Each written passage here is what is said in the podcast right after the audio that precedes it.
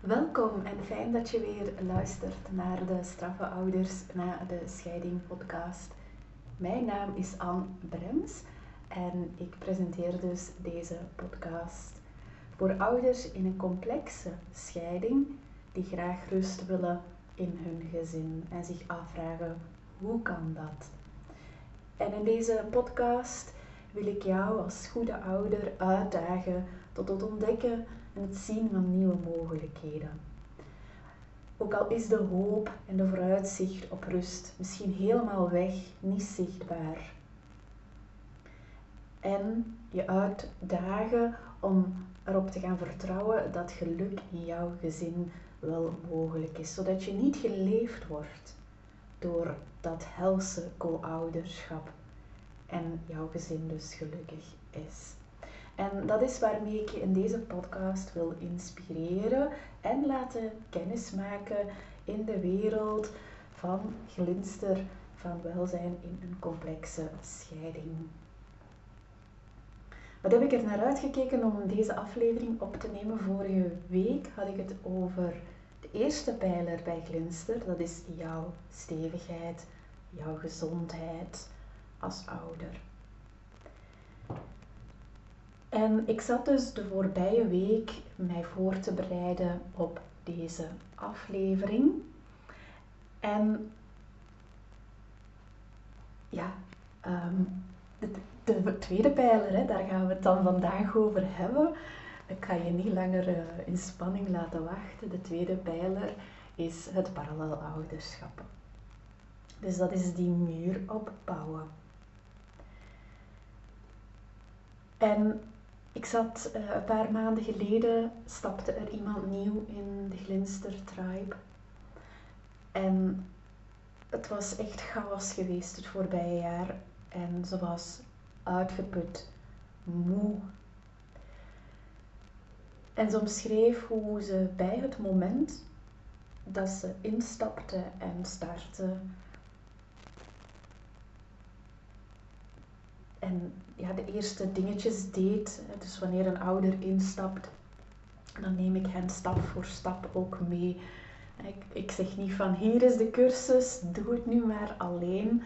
Um, ik verwelkom iedereen persoonlijk en ik heb zo kleine stapjes die je als eerste kan nemen. En deze ouder zei ook, ja, ik voelde direct rust over mij neerkomen toen ik startte met de dingetjes. En dat is precies ook wat mogelijk is wanneer je die muur opbouwt, wanneer dat je dat goed gaat doen. En ze zei ook, ja, ik, ik was een hulpverleningstraject gestart en daarin werd parallel ouderschap aan mij toegezegd. Maar ik had daar echt geen goed gevoel bij. Ik dacht, ik wil dat helemaal niet. En ook de manier waarop, ik voelde mij daar slecht bij. En ja, ik dacht, ik ga dan toch maar eens... Ik had jou dan op internet gevonden, Anne. En ik, ik ga toch maar eens kijken. En ik begin. En ineens merk ik dat parallel ouderschap, dat jij dat helemaal anders ziet. Alleen niet helemaal anders, maar dat dat anders aanvoelt. En dat... Uh, de manier waarop jij er naar kijkt anders is dan het hoe het mij daar toen verteld is geweest door de hulpverlening. En dit geeft mij wel hoop, ik krijg opnieuw zin, ik krijg opnieuw wel energie uh, hiervoor. En ja, hier kan ik wel iets mee. Dit, dit doet me goed voelen.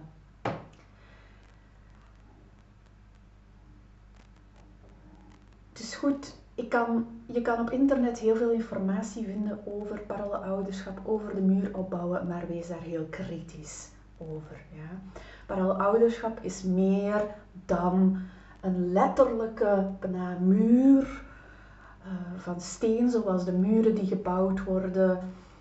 Uh, zoals de muur, denk maar aan de muur die Trump heeft gebouwd aan de grens met Mexico, of nog andere muren. Eh, in de geschiedenis, of die er nog zijn. Dat zijn muren die gezet worden vanuit een oorlogsgedachte of vanuit een ik wil de ander niet in mijn leven. En ja, dat is de muur eigenlijk niet. Dat is het niet. We doen dat niet vanuit die intentie.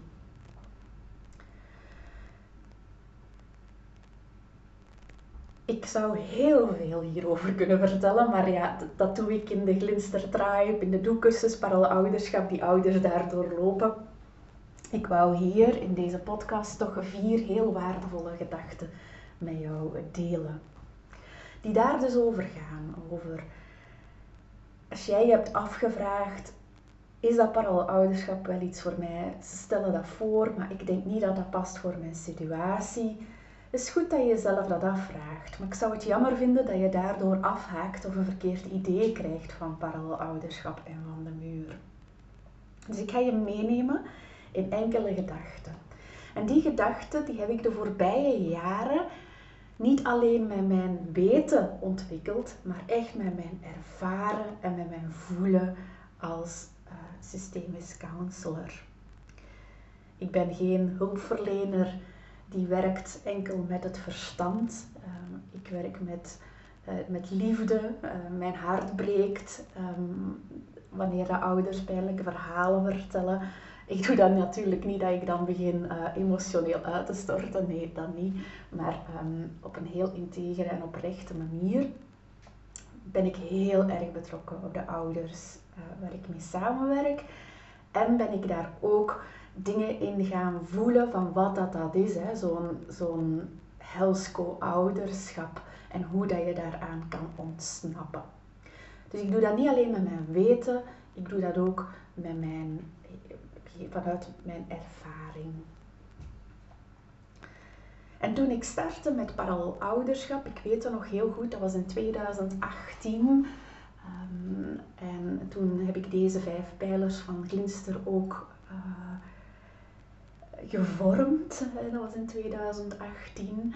En dat was op basis van het onderzoek van Inge Pasteels rond wat werkt er bij uh, hoogconflictueus ouderschap na scheiding. En ik ga je meenemen, ja, vier, vijf jaar geleden, toen ik startte met ouderschap. En toen ik startte, ja, was precies alsof dat je de highway to heaven had gevonden. Hè? Ja, je moet het gewoon doen en je zet dat neer en voilà, dan, dan zal dat wel werken. En ik weet nog precies de jaren daarna hoe ik botste op de beperkingen. En dat ik dacht, ja, maar is het dit wel? Werkt dat wel? En hoe dat lieve Cotine, dat ik dan in supervisie was, eh, mij daardoor geloodst heeft met haar 30 jaar ervaring in complexe scheidingen. En ik was eerst zo ontzet en ik dacht, ja, weet je, dat is het toch niet. Uh, waarom doe ik dit? Waarom? En ik wou ermee stoppen. en, en toen dacht ik, ik wist, ja, ik wist niet hoe kan ik dat nu omdraaien. Maar daar heeft Lieve mij dan door geloodst. En ik ben me meer en meer gaan verdiepen. Meer en meer. Niet zozeer in parallel ouderschap, maar wel in conflicten. Conflicten, in die zin, een conflict is voor mij um, wanneer er meningsverschillen zijn en je hebt laag conflict, dat hebben we allemaal wel eens uh, tijdens de dag, hè, meningsverschillen. En je hebt hoog conflict. Dat zijn de conflicten die echt, oh, heel hoog zijn. Um, ja, waar bijna niemand, niemand tegen immuun is, die echt uh, als een aardbeving bijna zijn of als een orkaan. Dus ik ben daar een studie van gaan maken, heel erg gaan bestuderen en niet alleen in de boeken, maar ook in iedere begeleiding, in ieder gesprek met ouder, met kinderen, met tieners. En dan heb ik gemerkt hoe ik de jaren daarna in rustiger vaarwater ben terechtgekomen met dat parallel ouderschap.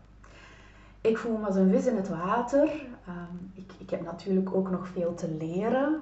Um, maar ik merk dat inderdaad, hoe, hoe anderen mij soms zien als een expert in ouderschap, dat ik nu wel kan zeggen, ik ben door die leerkuil heen gegaan, door die valley of despair. En ehm, ik zit nu inderdaad terug op een rustiger vaarwater.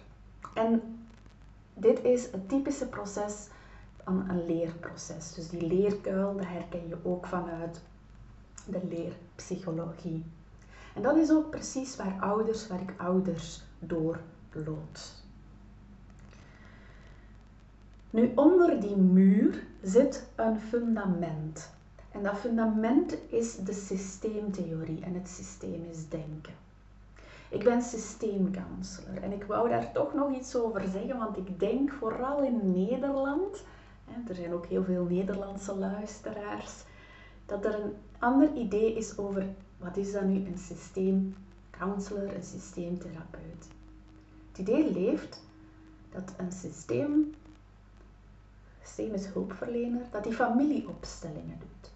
Dus dat hij het gezin opstelt, het gezin van herkomst, en dat hij altijd gaat kijken wanneer er iets misloopt, wat loopt er mis in het gezin, of wat loopt er dan mis in het gezin van herkomst. Dus dit is eigenlijk wat meer de gezinstherapie en dat is ook systemisch. Maar het systemisch denken waar ik het over heb en dat ik doe en dat ik geleerd heb vanuit mijn opleiding is veel ruimer dan het gezin.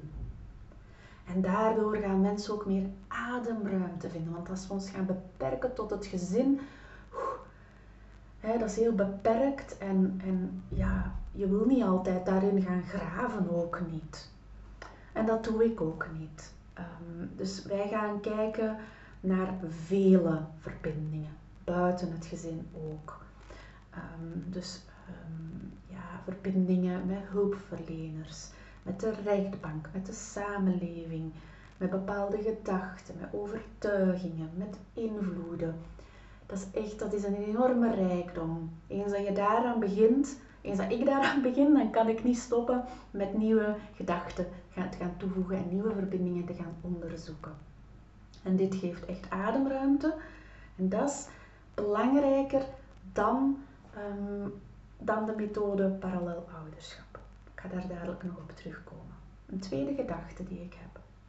De muur is zo precies alsof dat je dan een bouwpakket koopt in de brico en je zet die muur dan op en dan ja, oftewel staat die, oftewel staat die niet. En als die niet staat, ja, en je gaat naar de brico en je zou zeggen, kijk die muur, die jullie verkocht hebben, die werkt niet. Dan gaan ze zeggen, ja, maar ja, heb jij die wel goed geïnstalleerd? Hm? Dus dan ga je denken van, hm, hoe komt dat nu, dat die muur niet werkt? Parallel ouderschap is geen bouwpakket uit de Brico of uit de IKEA. Uh, parallel ouderschap is maatwerk en ouders verbazen zich daar heel vaak over. Zo is er een ouder, die was gestart in de Glinster Tribe um, eind vorig jaar en ze zei ook van, ja, maar ja, ik wil niet niet communiceren. Ik zeg, ja, maar dat, dat, moet ook niet. Je moet niet alles ineens uh, niet communiceren, ook niet. Ah, ja, maar ja, ik dacht, ja, nee, zeg, het is maatwerk. We gaan stap voor stap, ga ik met jou die structuur opzetten. En die structuur opzetten, dat gaat niet, ik kan niet zeggen, doe nu dit of doe nu dat. Ik ga dat stap voor stap met jou gaan doen. Week per week gaan we kijken en dan ga je die structuur opgezet hebben. Ik kan, ik kan niet zeggen dat gaat er zo uitzien voor jou of zo voor jou. Ik weet wel dat ik die structuur kan opzetten met ouders en dat, dat, wel, uh, dat je dan in rustiger vaarwater komt.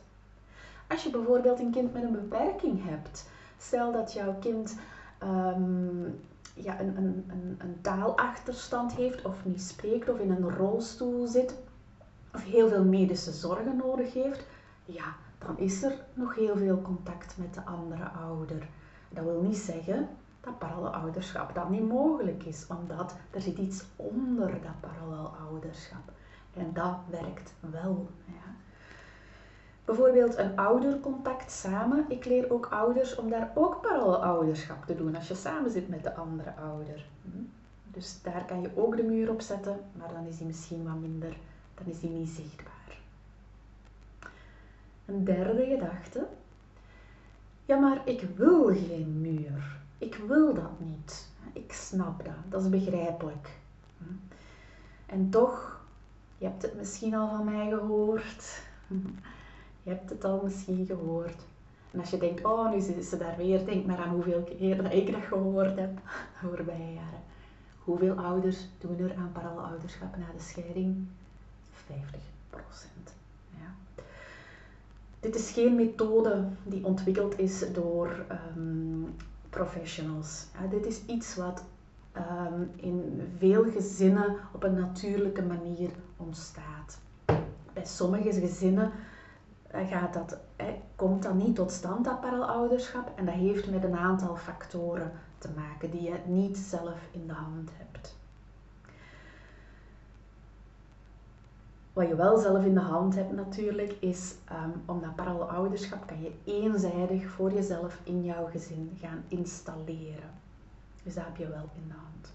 En hoe komt dat dat veel mensen zeggen, ze zitten dan in conflictueus co-ouderschap en ze zeggen, ja, ik wil geen muur. Ik heb dan liever dat ik mezelf, daar heb ik er vorige week over gehad, dat ik mezelf opoffer voor de kinderen. Ik zal het wel incasseren, maar ik wil geen muur, want dan moeten de kinderen het oplossen.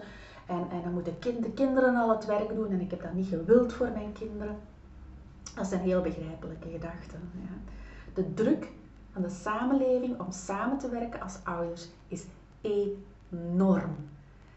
Ik merk dat zelfs mijn ouders, waar ik al een paar jaar mee samenwerk, die daar nog altijd van verschieten van wow, ja, ineens zeggen ze dat ik terug moet alleen zo, ja, die daar toch nog ook nog altijd van verschieten.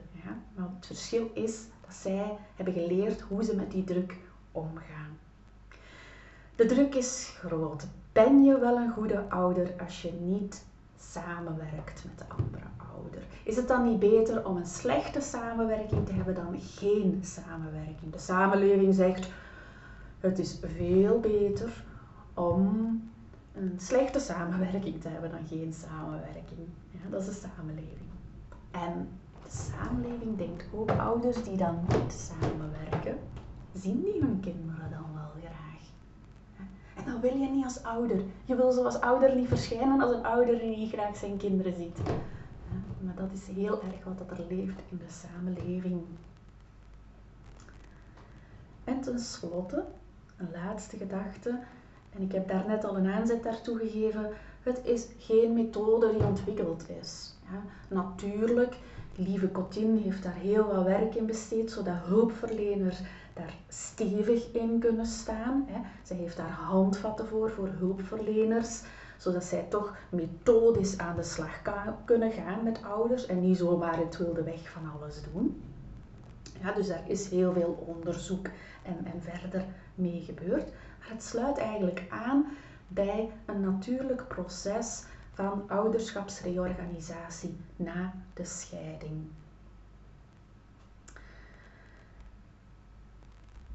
En zo, ik denk aan, aan de ouders ehm, die, die ik parallel ouderschap heb geleerd. De leerlingen, hoe jullie met hulpverleners spreken. Want ik ben niet de enige hulpverlener in jullie situatie. Maar jullie spreken met de hulpverleners rondom je kind, met de mediator, met de bemiddelaar, met het ONS-traject, met Veilig Thuis, met um, Ouderschap Blijft, um, met, met de bemiddelaar. Jullie spreken met die hulpverleners en hoe jullie niet zeggen, ik doe parallelouderschap, maar jullie doen het en zeggen het in alles wat jullie zeggen of doen. En hoe jullie dan bij hulpverleners iets opmerken. Waar je soms maanden, jaren niet gehoord bent geweest door de hulpverleners. Dat je, dat je, dat ze dat je heel veel inzet om samen te werken met de hulpverlening, maar dat je merkt van ze luisteren niet naar mij. Je gaat dat niet bereiken door te zeggen, we gaan hier allemaal een parallel ouderschap gaan doen. Dus aan jullie heb, leer ik, en jullie hebben dat zo goed geleerd, om dan met hulpverleners dat te gaan doen. In alles wat jullie zeggen, doen, om dat toe te passen. Met als resultaat dat het effect op jou is dat je merkt, oké, ik word eindelijk geluisterd. Eindelijk. Jullie merken op hoe dat er dan iets in de samenwerking ontstaat met die hulpverleners. Waardoor je merkt, ah, er wordt naar mij geluisterd. Of sommige ouders merken dan, ah, er wordt niet naar mij geluisterd. Maar gaan daar dan op een andere manier mee om dan dat ze vroeger deden. Waar ze vroeger niet uh, die, die grondvesten van dat parallelouderschap voelden. En nu, ze voelen dat, ze passen dat toe en ze merken, in veel gevallen gaan de hulpverlening luisteren en afstemmen. En in sommige gevallen is de hulpverlening niet mee, maar dan ook merk ik bij jullie op dat jullie stevig staan. Dat je voelt, er is rust bij mij. Ik heb gedaan wat ik kon. Ik kan mezelf in de spiegel kijken. Ik heb gehandeld volgens mijn waarden. Ik heb mij niet laten meezuigen in iets ellendig dat ziekmakend is. En dat heeft effect ook.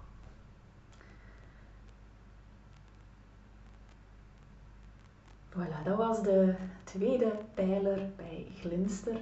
Dat is dus die muur opbouwen.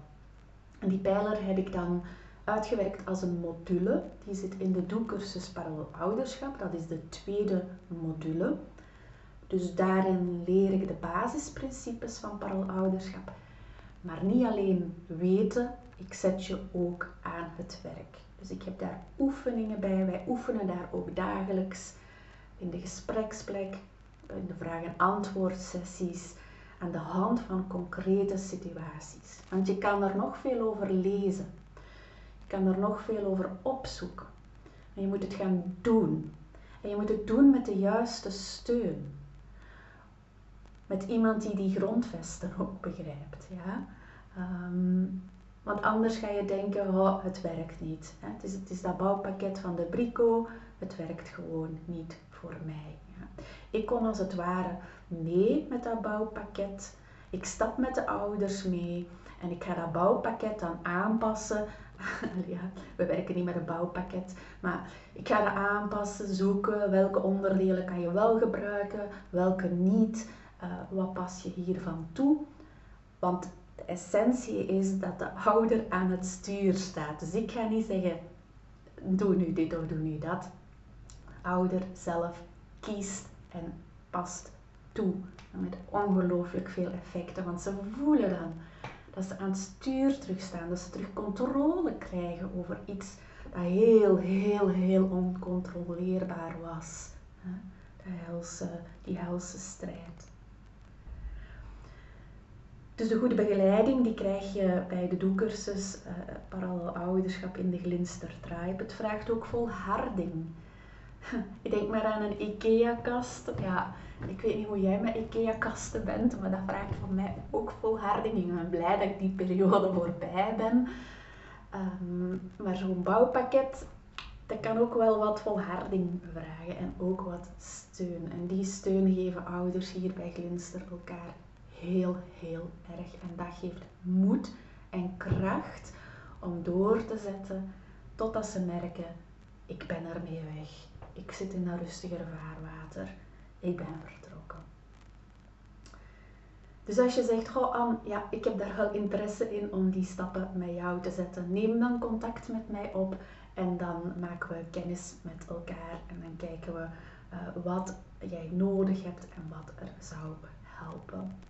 Mag je mij een mailtje sturen naar info.glinster.co, ook als je gewoon jouw gedachten wilt delen bij deze aflevering of je wil laten horen dat je luistert, dat vind ik ook heel fijn, want ik spreek natuurlijk wel met mensen in gedachten, maar ik weet niet wie dat er echt luistert. Dus dat zou ook heel fijn zijn op info.glinster.co. En dan spreek ik je weer volgende week met de derde pijler van bij Glinster. Tot dan!